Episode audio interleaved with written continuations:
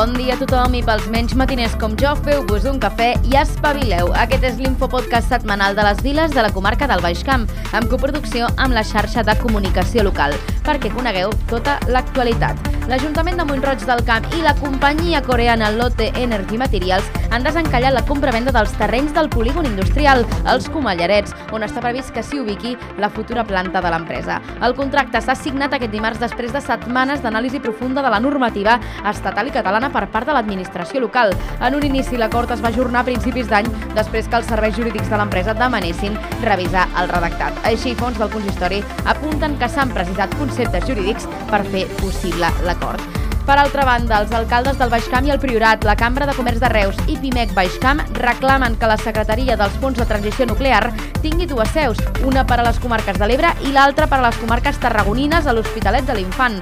D'una banda, qüestionen que l'Institut per al Desenvolupament de les Comarques de l'Ebre assumeixi aquestes funcions perquè no representa a tots els municipis beneficiaris i perquè té la seu a Tortosa. Però, per altra banda, proposen que sigui només la Cambra de Comerç de Reus qui faci complir el reglament a les dues secretaries tècniques que proposen per als fons nuclears. L'argument és que aquest és l'ens que representa més municipis dels que opten aquests recursos. I en successos, els Mossos d'Esquadra van detenir aquest dimecres un home al Forja buscat per delictes continuats contra la llibertat sexual a menors. L'arrestat de 51 anys tenia una ordre de detenció judicial en l'àmbit estatal i que s'havia fet extensiva a Europa.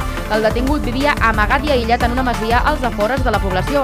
Per no ser localitzat, residia en unes instal·lacions amb un alt grau d'autosuficiència en plaques solars i altres instal·lacions d'autoabastiment que li permetien viure amb un mínim de contacte amb l'exterior. L'ordre de detenció estava en vigor des del 2020 i també els Mossos d'Esquadra amb el suport de la Guàrdia Municipal de Riudoms han detingut aquest dimarts a la matinada nou homes, que entre ells sumen més de 40 antecedents policials, pel robatori amb força en una nau on s'havia desmantellat una plantació de marihuana el dilluns. Els arrestats entre 18 i 44 anys haurien intentat accedir cap a 3 quarts i 5 minuts de les dues de la matinada a la nau de l'Avinguda Reus de Riudoms. I ens quedem precisament a Riudoms per recomanar un planazo per aquest cap de setmana. Arriba la dotzena edició de la ruta de les tapes Gaudí.